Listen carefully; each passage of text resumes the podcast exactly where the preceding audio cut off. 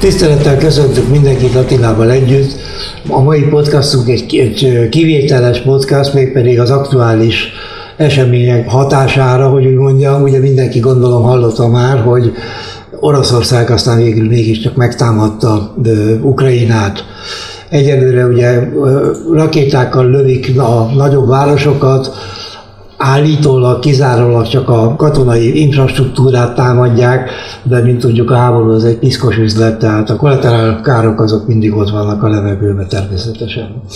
Na most hozzátartozik a dologhoz, hogy hetek óta a nyugatot támadják tulajdonképpen az orosz sajtó is, de a diplomácia is, tehát a, a Lavrov is és a Putyin is, hogy, hogy ők nekik eszük ágában is megtámadni Ukrajnát. Itt a, a nyugat az csak pánikot kelt egész egyszerűen, úgyhogy erről szó nincsen. Na most hozzátartozik még, még egy érdekes dolog a történelemhez, hogy a szovjet atomfegyverek nagy része, tehát a rakéták ugye nyilván közelebb van nyugathoz, az Ukrajnában volt. És amikor szétbomlott a Szovjetunió, akkor kötöttek egy szerződést, és a, az ukrán atomrakétákat visszaszállították mindegyiket Oroszországba, azzal a feltétellel, és az írásban van adva, hogy Oroszország garantálja Ukrajnának a területi függetlenségét, integritását. Hát aztán most láttuk, hogy mi lesz belőle, ugye? Láttam a német televízióban Putyinnak a beszédjét, én most szeretnék abból idézni, helyesebben szóról szóra tulajdonképpen elmondani, hogy mit mondott, mert eléggé e, jól megvilágítja az ő gondolatmenetét. A következőt állította, hogy a modern Ukrajna az tulajdonképpen a Szovjetunió által jött létre.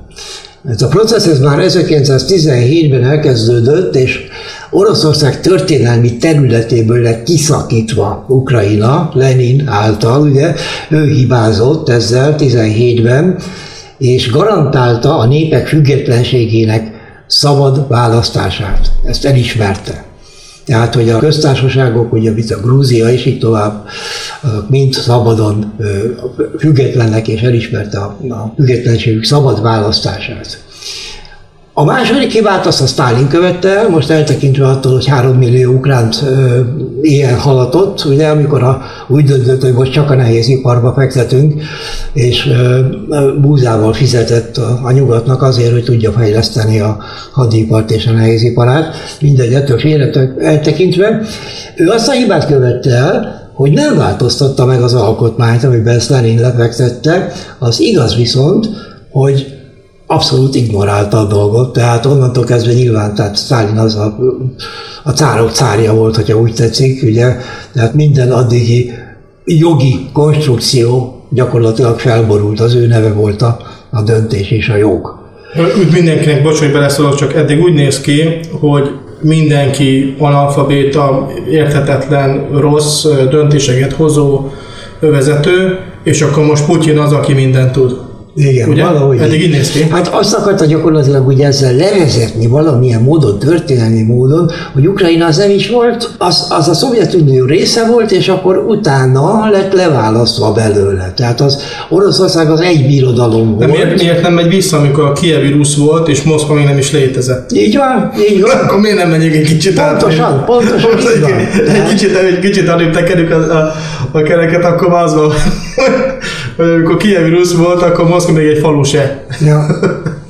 No, folytatnám Putin beszédét. Tehát azt mondta, ma nem múlik el nap Donbass lövésével, civilek, nők, gyerekek, öregek halnak meg nap mint nap, és az úgynevezett civilizált világ ezt nem akarja látni. Mintha az egész horror, genocid, aminek 4 millió ember van kitéve, ezek után én nem látok más lehetőséget, mint a Donetszki és a Luganszki népköztársaságokat azonnal elismerni, és Ukrajnát megtámadni kizárólag a hadi infrastruktúrára koncentrálva. Nem tűrheti azt, hogy Ukrajna tömegpusztító fegyvereket fejleszten. Na most ez egy akkora nonsz, ez még mindig Putin mondta, ez egy akkora nonsens, amilyen a Földön nincsen, szóval, de mindegy, dezinformáció. Akkor ugye a háború. itt arról van szó, ugye, hogy ők bemennek, hogy megvédjék a Donetszki és Luganszki orosz állampolgárokat gyakorlatilag. Na most ez egy régi recept a történelemben, mint tudjuk, ugye Szudita Landben Hitler azért oldult be, mert a német kisebbséget meg kellett védeni. Muszáj. Igaz? Tehát ezek a visszaköszönnek, aztán ugye Attila, te is mesélted, ugye, hogy nagyon jól meglátod azt, hogy Cipruson ugyanezt történt, ugye a török hadsereg azért foglalt el felé Ciprusnak, mert azt állították, hogy a görögök elnyomják a ciprusiakat, a törököket, ugye az, az északi részen több török nyelv Igen. beszél, mint, mint és, és, és azokat meg kell védeni. Hát ez van. és akkor bevonultak, és elfoglalták ezzel a címszóval az egészet. Ahogy mondom, az érdekes az egészben az, hogy ez egy, ez egy régen bevált recept, amit mindenki átlátva már, aki valamelyes van valóságérzete, vagy, vagy, vagy látja, hogy mi újság van, és mégis mindig megismétlik a politikusok ugyanazt a hazugságot. Hát szóval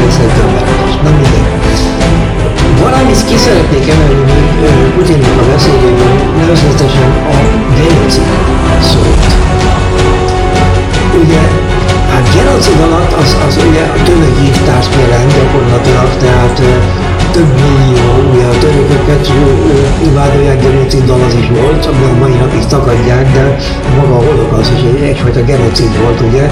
De most amikor egy viszonylag kis területről a világot nézve, ugye beszélünk, hát hogy lehet genocidról beszélni. Tehát olyan, olyan kifejezéseket használnak, olyan erőseket, ami, ami teljesen meghűíti a népet, mert ráadásul ugye az orosz televízió az nagy részben állami kézben van, a csapból is ez folyik, hogy ölik a terhes nőket Luganskban, a gyerekeket írtják, és genocid van, igen, gyakorlatilag. Tehát De azt nem mondják, hogy ők, mert szóval alapvetően az, az oroszok lőnek, és az oroszok miatt halnak meg emberek. Szóval ez, Na most ez még egy érdekes Szóval dolog. ezt- ezt ők csinálják. Azt állították, hogy az első lövés az Luganskból az ukránok lőttek először. Itt megint visszaköszön a történelem, mert úgy kezdődött a második világháború, hogy lengyel egyenruhába öltözött német katonák megtámadtak egy rádióállomást, és akkor Hitler bejelentette, hogy éjfél óta visszalövünk. Szó szerint így mondta. ennyi. Hát ez, Tehát szóval ez megint egy olyan bevált politikai recept, ugye? Érdekes. No, hát tulajdonképpen mi baja van? Nézzük át egy picit azt, mi baja Hát van az a baja- Putinnak tulajdonképpen ezzel az egész illetve mi az az ok, ami miatt ő szeretné ugye a Szovjetuniót visszaállítani. az a baja, hogy kezd demokrácia lenni körülötte. Pontosan. Ez a legnagyobb baj. Pontosan. Ez a legnagyobb baj. Ettől például a legjobban, hogy Kelet-Európa demokratikus lesz. Mármint az is, tulajdonképpen. Mármint, hogy Ukrajna is.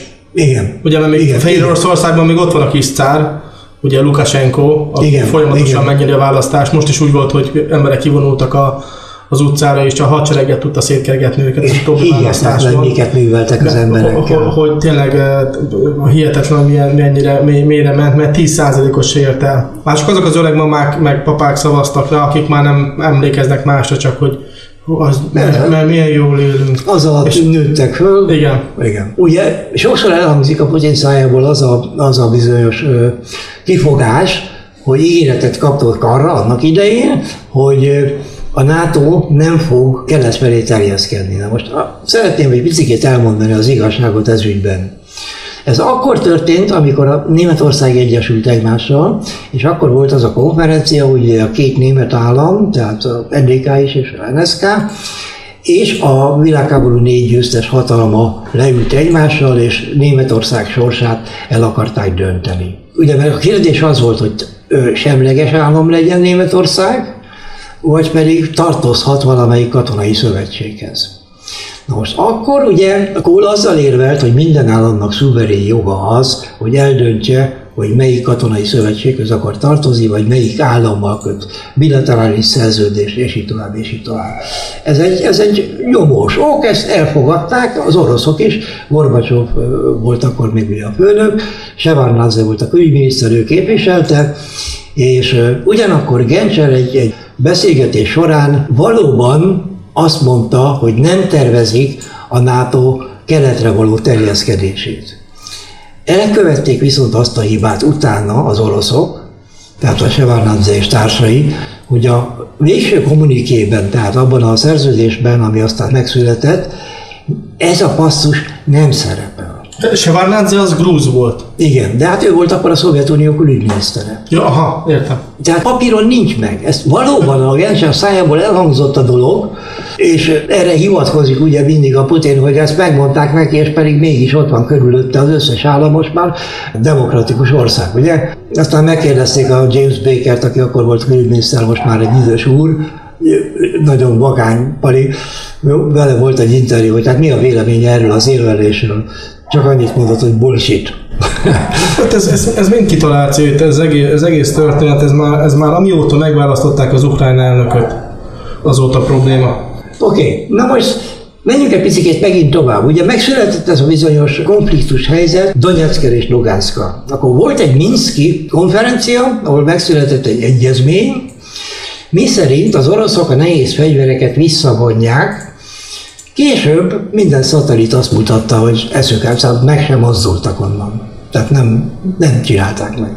Hozzátartozik a sztorihoz, ami érdekesség, csak érdekességként mondom el, hogy Obama nem is volt hajlandó találkozni Putyinnal. Nyolc évig volt elnök, egyszer se találkoztak egymással, mert azt mondta neki, nincs kedve olyan emberrel beszélgetni, akiről tudja, hogy hazudik neki. Ugye hazudott végül is neki is, a Merkelnek is, ugye mert Németország nagyon aktívan vett részt a Minszki Egyezménynek a létrehozásában. Na most 2014-ben ugye volt az az érdekes szituáció, hogy a Janukovics nevű elnök, ő volt akkor Ukrajnának az elnöke, orosz barát elnök, Igen. de miután ugye a nép is, meg mindenki inkább Európa felé tendált, hogy úgy mondjam, szeretett volna inkább abba az érdekszfér, nem az érdekszférában jó létre szeretett volna tartozni, legyünk őszinték. Ugye, és nem, a, nem az Oroszország felé, de aztán utolsó pillanatban nem írta alá. Bár kész volt egy úgynevezett asszociírum egyezmény, ami azt jelenti, hogy gyakorlatilag az EU kinyitja a kaput, és hogyha ez meg ez meg ez meg ez meg ez meg ez teljesül, tehát demokratikus, a korrupció visszaszorítása, a gazdaság rendbetétele, az államadóság rendbetétele, és így tovább, akkor igen, akkor szó lehet róla, hogy EU tag lehet. Ezért már már ezt ő nem írta alá, és akkor volt Majdán akkor volt az az óriási tüntetés, ahol olyan brutalitással lépett fel az akkori rendőrség, ami állít, nőttek. állítólag a nőttek. oroszok is, tehát orosz rendőrök orosz, is orosz, orosz, orosz, orosz pecnáz volt kint, természetesen felségjelzés nélkül, és uh, csak nyakra meg fejre lőttek, rendesen sniperek, Szóval igen, hihetetlenül, igen, én is. hihetetlenül durva dolgok voltak, kint, álltak az emberek, tüntettek, hogy ez nekünk nem kell, és lőtték, rendesen lőtték őket. Aztán elmenekültek ki Oroszországba, Janukovicsal együtt. Igen. És azt, hogy helikopter vette föl utolsó pillanatban, Igen. el tudott menekülni. Máskülönben lehet, hogy valami olyasmi lett volna vele, mint azokkal az áldozatokkal, akik miatta meghaltak. Szóval természetesen ez, ez, ez amúgy egy olyan történet, ami többszörére megismétlődik, hogy mennyire fél egy úgynevezett, hát mondhatjuk, hogy kommunista hatalom elveszíteni az irányítást. Egy olyan piramis épül ki, aminek, hogyha csak a tetejét lete, letekered azt az egy emberkét így, így eltüteted onnan, akkor az egész piramis szétesik és ez egy óriási félelmet jelent a számukra, hogy úristen, hát ott, ott demokratikus választások lettek, ugye ezután a Majdan után ott megválasztottak egy új elnököt. Egy új Akit megpróbáltak megmérgezni, akit hozzátartozott. Pontosan, Juschenkónak hívták Igen, azt, azt, az ja. úriembert, meg akarták mérgezni, utána volt megint választás, ahol megint demokratikus választások voltak, és tényleg tudták váltani az úriembert, akkor megint Janukovics jött ki nyerőben, megint az orosz párt, és akkor utána pedig most volt megint a legutolsó választás, ahol már nem kellett neki. Azóta megint volt egy, azt hiszem Poroshenkónak hívták az úriembert, aki úgy szintén elkorumpálódott, és jött utána az úgynevezett Zelenszky, aki tényleg azt az európai szemléletet hozta be a politikába, hogy elkezdte bedarálni ezeket a korrupt szálakat, elkezdte felszámolni azokat a kis mafiákat, elmozdítani a, a rendőrfőnököket, elmozdítani azokat a kis piramis emberkéit, hogy utána rendet tudjon tenni, és ez elég egy nagyon jó folyamat indult el, szóval látszott az, hogy hirtelen utak épülnek, hirtelen hirtelen elkezdett fejlődni az ország, és látszott az, hogy kezd, kezd rend lenni. És hát ez nem jó, mert hát ugye miközben látták az oroszok, hogy ők itt az ukránok azért választanak, és le lehet váltani az elnököt, miközben ők ott választanak valami mást, és nem lehet leváltani az elnököt, vagy hogyha valaki indul ellen, az valahogy meghal általában, elkezdtek lázangolni, és akkor volt azért 55-70 ezer ember Moszkvában, kicsit tüntetgetni, hogy akkor menjen már a frontba, Putyin mert nem rád. És akkor bevetették, akár csak a nagy barátja, ugye a fehér orosz Lukashenko bevetette ugye de ez nagy izé, hírzállat, erre nem is, ez pár orosz haver dobta fel, amit láttam híreket róla még annó, hogy, hogy mennyire el akarják már onnan kaparni ezt a szerencsétlent és tényleg bevetette a rendőrséget, a katonaságot, és szétzavarták az embereket, szóval most ez... Igen, igen. Ez egy, ez meg egy érdekes dolog, ugye a, a autoritér rendszerek és a, a demokratikus rendszerek, amikor Nixon volt ugye az első, aki meg, meglátogatta Kínát, akkor nyitott Kína gyakorlatilag, és azt tartja a fáma, hogy azt hiszem, hogy biztos, hogy két hónap volt hátra a, a választásokig. Megkérte a Tex Xiaopinget, hogy csak hogy utána hozzák nyilvánosságra a megkötött szerződéseket.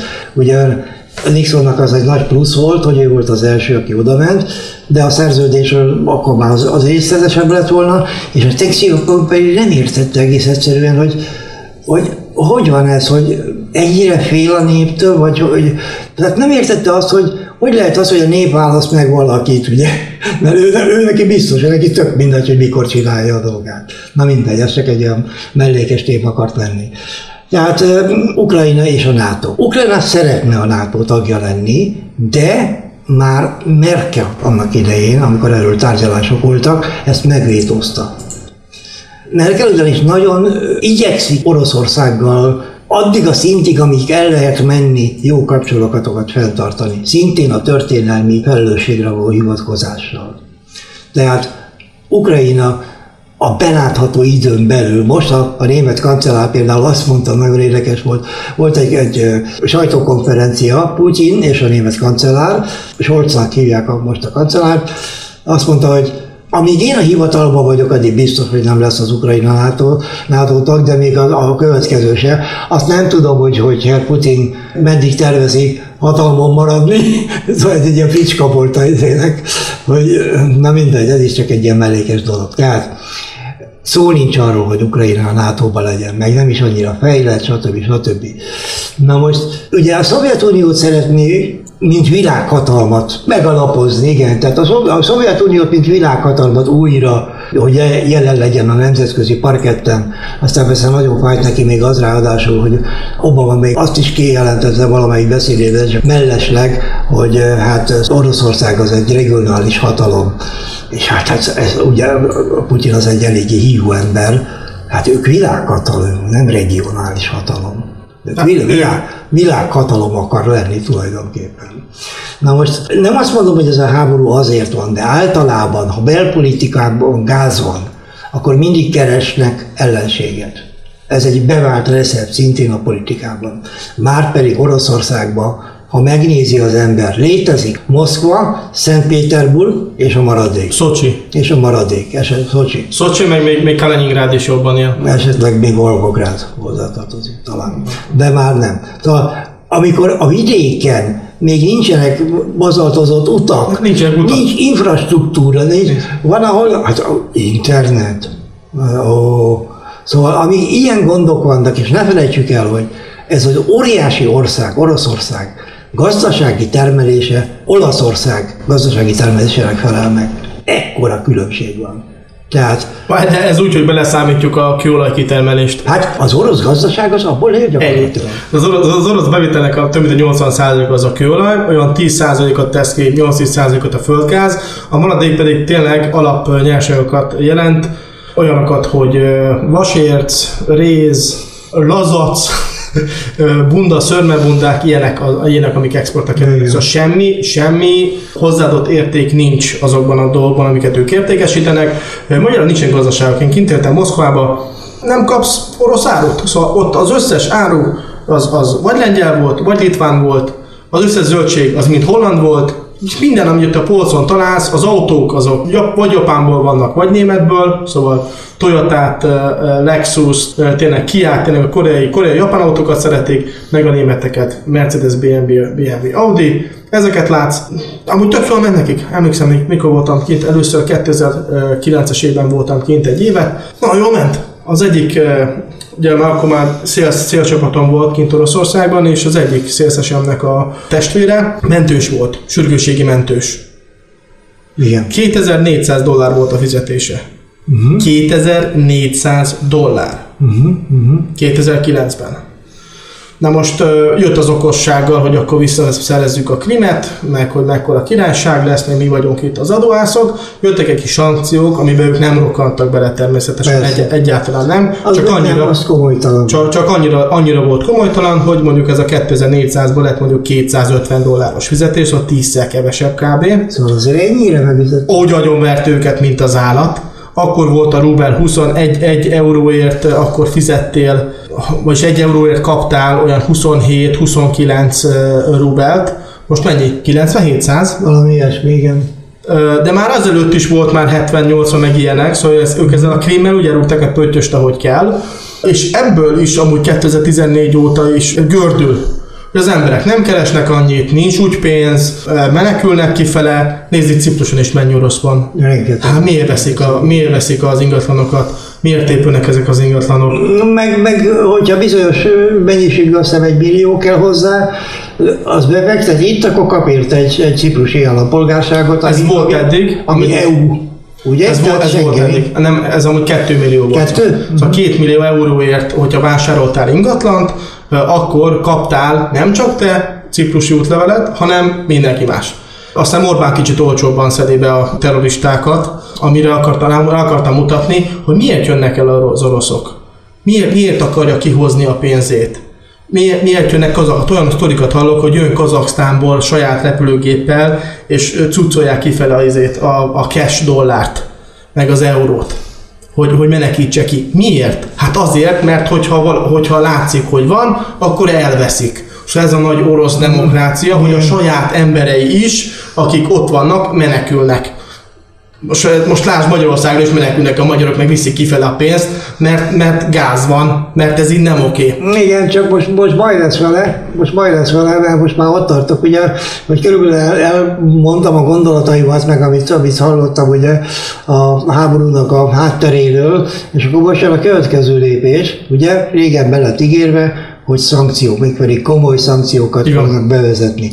Ma reggel éppen láttam a von der Leyen, az Európai Komissziónak az elnöke, annak a beszédét. A következőket mondta. Egyrészt van egy bizonyos csoport, név szerint egy csomó ember meg van nevezve, hogy kik azok, akinek a bankszámláját bárhol van a világon, Oroszországon kívül befagyasztják. Nincs. Annyi. Nem tud hozzáférni. Oroszországot leválasztják a SEPA rendszerről az a nemzetközi átutalásokat. Tehát még Oroszországba se tud utalni valahova, magyarul nem tud üzletelni, mert Ezt teljesen nem, levágták. nem tud ki. Se ki, se be. I- Igen. Na Ez most, senki sebe. a következő pont. Minden olyan árucikk, ami high-technek számít, annak az exportja Oroszországba tiltva van. Hogyha ennek megfelelő cég van Oroszországban például, nem nagyon van, de ha van, azzal tilos üzletelni. Aztán egy csomó embert, ugye, mint mondtam, personal non gratának Ny- Nyilvánítottak. Nyilvánítottak, Ugye persze, igen. nem, nem megy sehol. Például a hadügyminisztert, ugye, aki, aki Putyin mellett van most már több mint 20 éve, ugyanaz az ember van mellette. Aztán van még egy nagyon érdekes figura a saktáblán, akit az oroszok úgy hívnak, hogy Putyin ö, szakácsa. A történet az, hogy valóban ő volt a szakács a ö, valamilyen étteremben, ahova Putyin nagyon szeretett járni, és akkor ő meghívta Kremlbe, tehát ő lett a Kremlnek a szakácsa. Mellesleg megkapta azt a jogot, hogy az orosz hadseregnek a, az ellátását is ő kapta meg. Érted ezt? Hogy ez, ez milyen milliárdokat jelent? Azt jelenti, hogy csak rajta keresztül lehet az orosz hadsereget étkeztetni. Értkeztek. Szöldönti el még gyárból, hogy merre hány méter. Igen, elképzelhetetlen gazdag a pali, és ő neki van az úgynevezett Wagner Group. A Wagner Group az egy Hát paramilitär, no, no, no, amit, hogy nem, nem katonai szervezet. nem hivatalosan katonai, Nem de katonai. igen. Uh-huh. Tehát ők voltak, akik jelzés nélkül Ja, értem. a Krímen. Aha. Szíriában nem orosz katonák voltak ám, hanem ez, a, ez, a zsoldos, ez egy zsoldos, Zsoldos, hadsereg, zsoldos hadsereg, Wagner útnak hívják. Direkt ezért, hogy a piszkos munkákat velük végezteti a, a Putin. Uh-huh. Még látszik, mondjuk kötelék látod, hogy megbízok benned, te haver vagy, akkor kapsz hatalmat. Nem vagy te szakács vagy, hogy fingod nincs háborús disról? Vagy mit, mit szabad, mit nem szabad? Én veled megbízok, úgyhogy akkor most te lehetsz a nagy ember.